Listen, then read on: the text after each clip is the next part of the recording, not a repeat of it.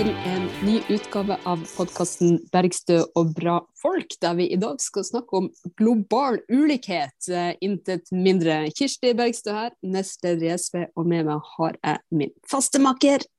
Ingrid Wergeland, kommunikasjonssjef i Manifest Tankesmie og forlag. Ja. Og så uh, har vi jo uh, en gjest i dag. Det er uh, Hege Skarud fra Attack. Faktisk lederen sjøl fra Attack. Og da har jeg bare lyst til å starte med Hege. Hvorfor hater du de rikeste i verden? oh, hvor lang tid var det vi hadde, sa du? Nei, altså det er mange grunner til det, men kanskje den største og viktigste grunnen er jo at det skaper en veldig skjev maktfordeling i samfunnet sånn som vi ser det i dag. Fordi dessverre så har det blitt gjort sånn at vi rigget til systemet der penger er makt. Og når noen har mer penger enn andre, så er det sånn at da får de også mer makt. Er, jeg har ganske lite å rutte med mot de milliardene som Elon Musk har, hvis man skal liksom legge mye av makten ut i bankkort og kassaapparat her i verden. Og da, da er det viktig å bekjempe den ulikheten der. Mm. Fordi Det er jo et spørsmål som av og til kommer. Eh, altså, Hvorfor er egentlig de superrike et problem? Og du mener at det handler om makt? Handler om mer? Det handler om makt. Det handler også eh, ja, jeg vil jo si at det, er på en måte hoveddelen, og så er det mange deler av maktaspektet der også. Um, F.eks. Eh, hvis de rike vil tjene enda mer, hva gjør det da med standarder på arbeidstakers rettigheter, eller på miljø, dyrevelferd? Eh, hva gjør det med menneskerettigheter og andre sosiale rettigheter? For skal man klare å eh, heve liksom prisen eh, eh, på de tingene, så må det være bedre standarder. Men eh, å heve prisen på det, det gjør at det er vanskelig å konkurrere i markedet ikke sant? mot andre som kan da senke prisen. Så da trykker man disse her tingene ned. Og det er noe vi i Attack jobber mye med gjennom på en måte handelsavtaler. Hvordan er det man institusjonaliserer eller liksom befester den ulikheten i disse her avtalene og regelverkene som vi har, da. Ja, Hvorfor gjør man det, eller hvordan gjør man det? Eh, eh, da begynner man med å forhandle. og så diskuterer man i eh, flere år bak lukka dører om hvilke interesser For Norge så er fisk viktig, olje og gass er viktig f.eks. Um, og så når man da handler med en part eller med mange parter, så ser man hva er det vi kan få eh, av markedsadgang eh, på fisk og olje eh, eller på andre tjenester. Um, og hva er det vi da må gi tilbake igjen. Og så er det sånn man driver frem og tilbake. Og så er det sånn OK, men vi kan produsere dette på dette, denne måten, og vi på denne måten. Ja, men dette, når du snakker om handelsavtaler f.eks., så er jo det avtaler som forhandles mellom land. Det er jo ikke mm. mellom uh, Elon Musk og Jeff Bezos, liksom. Nei, men de bruker ganske mye penger på å lobbe. Eh, sånn, så det, både de er godt eh, vandra både i Genéve, hvor man har eh, Verdens handelsorganisasjons hovedkvarter, eller i Brussel, hvor, eh, hvor EU-parlamentet er. Der bruker de mange millioner kroner hvert eneste år på å si å ja, vi, skal vi regulere teknologigigantene? Vi har svaret på dette, la oss bare komme med dette her skrivet. Um, og går og har veldig veldig, veldig mange møter. Eh, flere møter enn det sivilsamfunn har, da. Mm. Fordi Attac er en kjent kritiker av en del uh, av de avtalene som, um, som uh, gjøres eller uh, forløper til dem, men også rent faktisk hvordan de kommer på plass. Ja, det er utrolig udemokratiske prosesser rundt det. Kan ta, vi kan ta et eh, eksempel. Eh, nå Nylig i fjor så ble man enig om en ny avtale med Storbritannia eh, her i Norge, men også EU ble enig. For da når man trakk seg ut, så måtte vi også i Norge og Island og Liechtenstein, som er noen av EFTA-landene, vi måtte forhandle fram en ny avtale med Storbritannia også. Ja, etter brexit. Mm. Mm. Eller det, vi tenkte at vi måtte da. Egentlig så må mm. man ikke, vi kan også bare forhandle på Verdens handelsorganisasjon det er en annen diskusjon. Men uh, her, da har man forhandla fram Dette er kjemperekordfart. og Det har vært fryktelig vanskelig å få innsyn i hva er det som ligger på bordet. Hvilke, uh, hvilke ting er det Norge vil gi opp for å få markedsadgang på fisk her, eller på gass f.eks. Um, og det har vi ikke fått uh, noen klarhet i. Uh, det vi gjorde da vi jobba med den avtalen, var at vi måtte se på de lekka dokumentene fra EU og Storbritannia for å skjønne hva er det som ligger her. Og da fant vi en ting som eh, vi har diskutert eh, siden 2015, vel, eh, som vi kjenner fra TISA-avtalen, altså den tjenesteavtalen som skapte massiv mobilisering verden over, hvor det var liksom disse store tjenestelandene, deriblant Norge, som ville legge inn veldig liberaliserende krav. Og det har vi funnet igjen nå. Så Norge har nå inngått en avtale for første gang med det som heter frys- og skralleklausuler, som gjør at enten så må man fryse på det liberaliseringsnivået man har nå på tjenester og investeringer, eller så kan man kun gå i mer liberaliserende retning. Hvis ikke så bryter man avtaleteksten. Det er et juridisk dokument. Um, og det er kjempekritikkverdig eh, at det ble gjort på ganske kort tid, og Stortinget hadde under to uker på seg til å behandle dette. Og det er kjempevanskelig å si noe annet enn ja eller nei til 3000 sider eller hva enn det var eh, av avtaletekst for Stortinget. Når det allerede er forhandlet frem. Men selv om det var uh, mye hemmelighold rundt forhandlingene og sånn, så var vel det Jeg skjønner at det er mye å lese 3000 sider på, på to uker, selv om man er glad i å lese nerdige tekster. Men, men, men, Stortinget hadde vel hele denne forelagt, denne monsteravtalen? På to, på to uker, ja. Mm. De fikk ikke noe innsyn. Og så er det eh, Altså ikke noe innsyn i forkant, så de hadde disse to ukene på, på vanlige 3000 sidene? Mm. Så når man da ikke vet hva er det egentlig dette har å si for denne her sektoren, eh, hva, når det er helt nye regler som vi ikke har brukt før, så er det utrolig vanskelig for Stortinget å vite hva i all verden er det vi skal gjøre med dette. Um, mm. Så her har det ikke vært gjort noen konsekvensutredninger på miljø eller sosiale rettigheter heller, og det er veldig veldig kritikkverdig. Og Det er vi nødt til å ha. Og Vi er nødt til å ha mye mer åpenhet rundt hvem er det som får lov til å si hva slags interesser vi skal forhandle på grunnlag av. Og vi må også ha muligheten til å komme innspill til avtaler før de er ferdig forhandla, eh, og når konsekvensutredningene foreligger. da.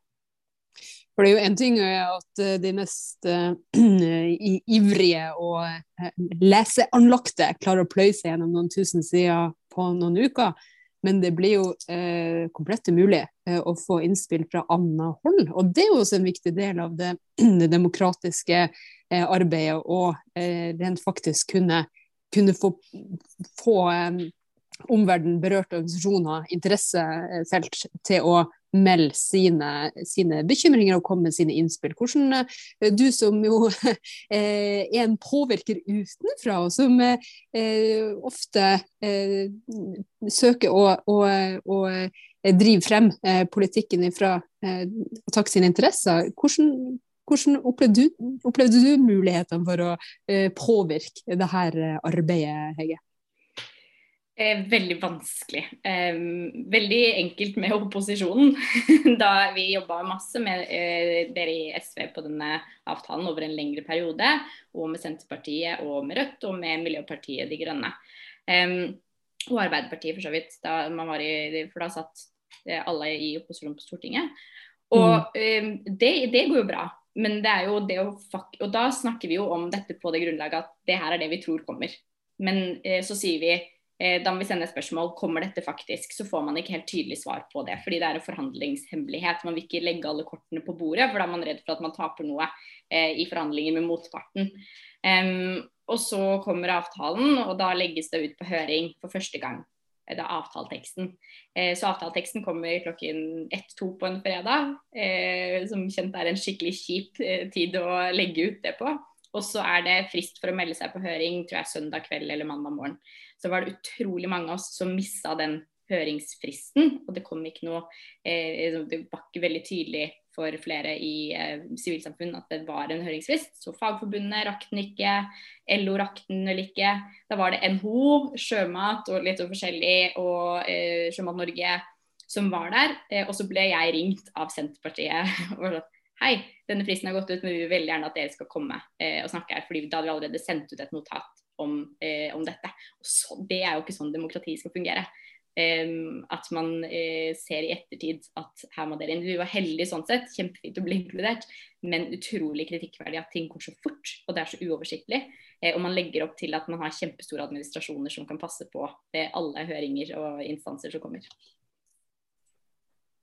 Men utover at disse handelsavtalene da både er udemokratiske og ødelegger arbeidsliv og miljø, Ehm, så skaper det også da enda mer ulikhet, da.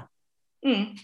Da kan vi gå litt tilbake til der vi startet. Altså hva hva, er, hva, er liksom store, hva fører disse store uh, ulikhets... Altså den massive uh, akkumuleringen av rikdom blant noen veldig, veldig få, hva fører den til på en måte for, uh, for oss menneskeheten, for å si det sånn? Mm. Nei, Den fører jo til ganske mange ting. Eh, vi kan jo se på hva som har skjedd i Storbritannia med tanke på brexit. Eh, altså Økt ulikhet fører til mistillit i samfunnet. Det fører til, eh, til ganske mange negative konsekvenser. Det fører til eh, at noen har rett til å bo steder hvor andre ikke har muligheten til å bo. Eh, det fører til splittelse i miljødebatten, ikke minst ser vi også nå. Hvor, hvordan er det vi skal få til denne såkalte grønne omstillingen. Hvem er det som har råd til å betale for den, hvem kan delta? Eh, se på de gule vestene i Frankrike f.eks. Det er også en ulikhetskonsekvens eh, som er satt inn i liksom, miljødebatten. Så det polariserer jo samfunnet i en stor grad og gjør det utrolig vanskelig å komme seg framover eh, til et sted. Og, og, når vi da har disse avtalene eh, som da eh, liksom befester dette her. At der er det krav til liberalisering og krav til privatisering som gjør at man kommer til et sted hvor det blir innstrammingspolitikk og folk mister velferdsgoder eh, og vi bare skaper større og større og større splid. Um, og så på andre siden sitter man med World Economic Forum sin liksom rikingklubb som samles til uka i Davos. Eh, og der skal de finne løsninger. Og det går helt fint at de flyr privatfly dit. Eh, men alle andre må slutte å fly og slippe ut så utrolig mye CO2 på veien. Det, er en, det, er, det, blir så utrolig komplekst og rotete og masete og vanskelig også, da, i den ulikhets Som en konsekvens av ulikhet, syns jeg. Hva er det du tror verdens rikeste kommer til å diskutere og, og samles om da, når de skal møtes i Davos på World Economic Forum? De kommer, ja, ja, det er et godt spørsmål. Altså, de har jo diskutert klima i mange år. De har vel ikke kommet frem til noen gode løsninger der. Eh, jeg tipper også det blir pandemihåndtering eh, de kommer til å diskutere. Eh, det er vel et, et program ute, nå blir det litt sånn halvveis til uka, for de skal møtes digitalt. Nå skal de møtes fysisk igjen til sommeren pga. dere vet hva som skjer. Og så, så nå kommer de nok til å diskutere en del pandemihåndtering, og det er jo kjempe problematisk. Hva er liksom, legemiddelindustrien, hvilken rolle har de hatt i pandemiopprettholdelsen eh, nå eh, ved å liksom, nekte deling av vaksiner osv. Så, videre. så det er jo de som da møtes der eh, i en altfor stor grad. Da. Det er veldig vanskelig å se for seg at de da kommer til å sitte og si nei, vi må, vi må fjerne patentrettighetene på legemiddelindustrien. Og, og har, altså, tidligere har de jo diskutert ulikhet, men med dypt bekymret mine, liksom, og veldig rynker i panna. Altså. Men, men det, er jo ikke, de, det er vanskelig å se for seg at de, de er så veldig opptatt av å, av å, av å redusere den. da. Altså, hva er det Ja takk, utenom at dere eh, selvfølgelig er opptatt av mer åpenhet rundt handelsavtaler, og at de ikke skal ødelegge sivilsamfunnet og arbeidsliv og miljø, men heller gjøre verden bedre og sånn. Eh, hva, hva, er deres, hva, er deres, løsning da, på, på, den, eh, på den økende globale ulikheten?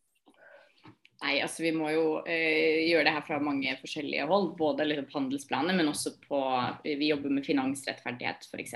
Så hvordan Attakk har oppstått, er jo ut fra dette her som heter en Tobin-skatt. Altså en, en, skatt på finansielle transaksjoner. Um, og den er kjempeliten. Den er liksom mellom 0,5 eh, til 0,05% Men det vil gjøre veldig mye. For da flytter vi eh, disse her raske spekulasjonsinvesteringene. Eh, og heller må man tenke langsiktig. Da kan man også legge da, den Tobin-skatten på et f.eks. et grønt fond, eh, investeringsfond, eh, hvor man vil ha mye mer penger til å investere i det grønne skiftet. Men også liksom, vi må skattlegge i en mye større grad gjennom skatterettferdighet de rikeste. og Der er vi veldig enige med, med, dere i SV, og vi har jo samarbeidet mye på disse her tingene. At det er utrolig viktig å få redusert ulikhetene gjennom slike ting, men også i avtaler og eh, både på liksom, IMF og Verdensbanknivå, men eh, WTO-nivå, EFTA-nivå, bilateralt osv.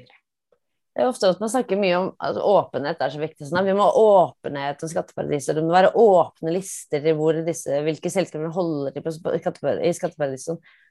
Altså, jeg, jeg, jeg, synes, jeg er lei, jeg. Kan vi ikke bare si det er forbudt? Altså, det, det, altså, ja vel, så vet vi det. Vi forbrukere kan jo ikke drive og uh, fikse dette uansett, liksom. Dette, dette må jo, det må jo endres på en helt annen måte, tenker jeg. Om ikke forbrukere kan fikse det, så kan jo stater lage regler hvis man vet hva som faktisk skjer, og det er jo en utfordring. Mm. Og så snakker vi jo om åpenhet på helt forskjellig plan. Altså Næringslivet snakker om at de også trenger åpenhet. De vil ha åpenhet i hvilke lover er det som kommer når, sånn at vi kan justere oss og vi vil også ha muligheten til å påvirke. Det syns jeg er veldig viktig å snakke om og når man snakker om åpenhet. sånn at man vet at det blir kuppa. Åpenhet plass også kuppa et sted som frihet blir kuppa. Um, men, men, det er jo helt riktig. Ja, altså, det hadde jo vært veldig deilig å bare sånn det er forbudt. Men jeg tror også det å skape den åpenheten gjør at folk forstår hva er det som egentlig skjer.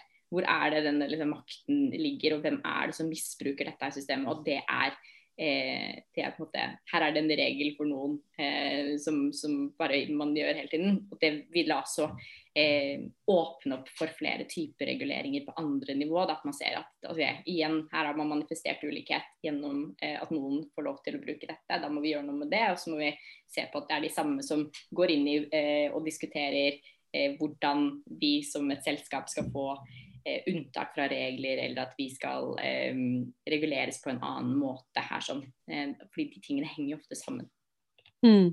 Så det er vanskelig å tre på seg en gul vest og gjøre motstand hvis man ikke vet eh, hvor eliten putter pengene sine. Men det er jo interessant det som du var inne på i sted, Ingrid, med at eh, Verdens økonomiske forum tidligere har liksom uttrykt bekymring for den økende ulikheten. Og det sier jo noe om hvor destruktiv ulikhet er. Når eh, verdenseliten eh, samles for å, for å være bekymra fordi det går eh, utover på en måte en, en, et sunne, sunne samfunn. Hva, hva tenker du om det da, Hege? De er, ikke sant? Det, det, og det er det samme med klimakrisen. De er også kjempebekymra for, eh, for, klimaendringene. Hva er det det gjør med deres investeringer? Hvordan er det de skal tjene på klimaendringene? Og så ser man også at det er en eksistensiell krise et eller annet sted. Forhåpentligvis eh, håper jeg at de også forstår eh, at ikke de bare inviterer inn Greta Thunberg som, som poster girl og så sender den hjem igjen. Men, eh, men det er jo akkurat det. Altså, det er jo ingen som egentlig tjener tjene på dette her. Man, har, man, skaper et samfunn av vinnere og tapere, men på et eller annet tidspunkt nå er vi, vi går såpass liksom, langt her at på et tidspunkt så vil alle være tapere om det er eh, Elon Musk på vei til Mars eh, at, eh, som ikke klarer å komme seg fram, eller hva enn det er som skjer. Det er liksom et, som siste jeg bare sånn, Dystopien er Elon Musk kjører et lite romskip mot Mars for, som siste mannen igjen. for da har han liksom brukt opp alle verdens ressurser og alle verdens penger. Prøver å komme seg dit, og så kommer seg han seg aldri fram. så vil vi tape alle taper på dette. Når vi ikke har flere ressurser igjen, så er det liksom, er det ingen flere ressurser igjen. Eh, når vi ser klimaendringene eh, sånn som de er allerede nå, altså, eh, med den stormen vi sitter i i dag, eh, Gyda, eh, og det kommer flere og flere og flere, eh, det er liksom begrensa hvor mange Kanye West og Kim Kardashian som man har i verden som kan kjøpe og betale for sitt eget private brannvesen. når mm. det er en, en skogbrann eller hva enn det er. Liksom. Vi taper alle på det til slutt. Mm. Eh, det eh, gjør man jo. En ting som jeg er litt spent på, det er jo eh, når man skal ha et digitalt verdensøkonomiske forum, om de kommer til å sitte i hvert sitt jetfly likevel. Kanskje. Og så er det jo også hvor åpent blir det? Hvem er det som får deltatt her i det hele tatt? Det, jo, det, det har vi snakket mye om under pandemien, disse digitale møtene. Mm. Det ekskluderer jo sånn, Det gjør det på en måte enklere, men så ekskluderer det også hva skjer med de som sitter og skal Nå har ikke VV, World Economic Forum et forhandlingsplan på samme måte som i WTO eller i COP f.eks., eh, klimaforhandlingene. Men hva skjer da med de som har dårlig internettforbindelse osv. når ikke de får reist, og så skal man likevel sitte og lage regler for hele verden. Um, mm. Så er det noe som unnlates, da. Det er også en, en problem med ulikhet. Definitivt. Jeg må bare få sagt en ting som er viktig å si. For de som eh, syns det er interessant å høre deg snakke, Hege, så, så, har vi jo lov til å reklamere for en annen podkast som eh, også finnes. For du har jo mm -hmm. en fast ukentlig podkast eh, med min kollega i Manifest, Jonas Algers. Eh, hvilken dag er din eh, dommedag? Mm. Og det er en passende tittel, hvor du snakker om dystopier og, og alt. det, går, det, går, litt sport i å gjøre den andre deprimert eh, noen ganger på den podkasten. Det gjør det. Men dere er veldig blide mens dere gjør det. ja. Utrolig god på galgenhumor og bare eh, føler meg litt som de der eh, på Titanic, det eh, strykekvartetten på Titanic noen ganger, hvor vi bare OK, vi får bare holde motet oppe her. Det går fint. Eh, men så prøver vi også å løfte opp løsninger på de store strukturelle problemene som vi tar opp. Og mye av det vi tar opp, er nettopp sånne her ting eh, på miljø, eh, økonomi, makt. Hva er det egentlig som skjer her, både i Norge og i verden. Mm. Så da har vi eh, rett og slett gitt et lite lyttetips for fremtida. Vi vet, Hege, at uh, du hater de superrike. At forskjeller ikke er godt for noen ting som helst. Tvert imot er det veldig destruktivt. men det vi ikke vet om det, det er det som er vårt faste spørsmål i denne podkasten, nemlig hva var din aller første jobb? Uh, min aller første jobb det var telefonselger på noe som het Provoice i Kongsberg. Um, og var, Den jobben hadde jeg i en måned, helt til jeg var, jeg var kjempedårlig. jeg var ikke en god telefonselger. Uh, og så var det en dag det var noen, jeg ringte noen, og de bare Det hørtes ut som den personen nesten begynte å gråte. Hun var bare sånn Åh, ikke midt i Skal vi danse! Og da skjønte jeg dette her kan jeg ikke gjøre lenger. Det her går ikke. Dette er ikke jobben for meg. Jeg kan ikke presse folk til å kjøpe eh, aktuell vitenskap eller hva det heter for noe på, på en lørdag kveld. Det, eller, det går ikke. Det kan jeg ikke gjøre. Men det du kan gjøre, er å presse frem en bedre, mer rettferdig verden. Og det er vi veldig glad for at du gjør i dag, Hege. Takk for at du var med hos oss. Takk for at uh, du var med og hørte på. Og ta sjekk ut podkasten til Hege òg. Den é brabo.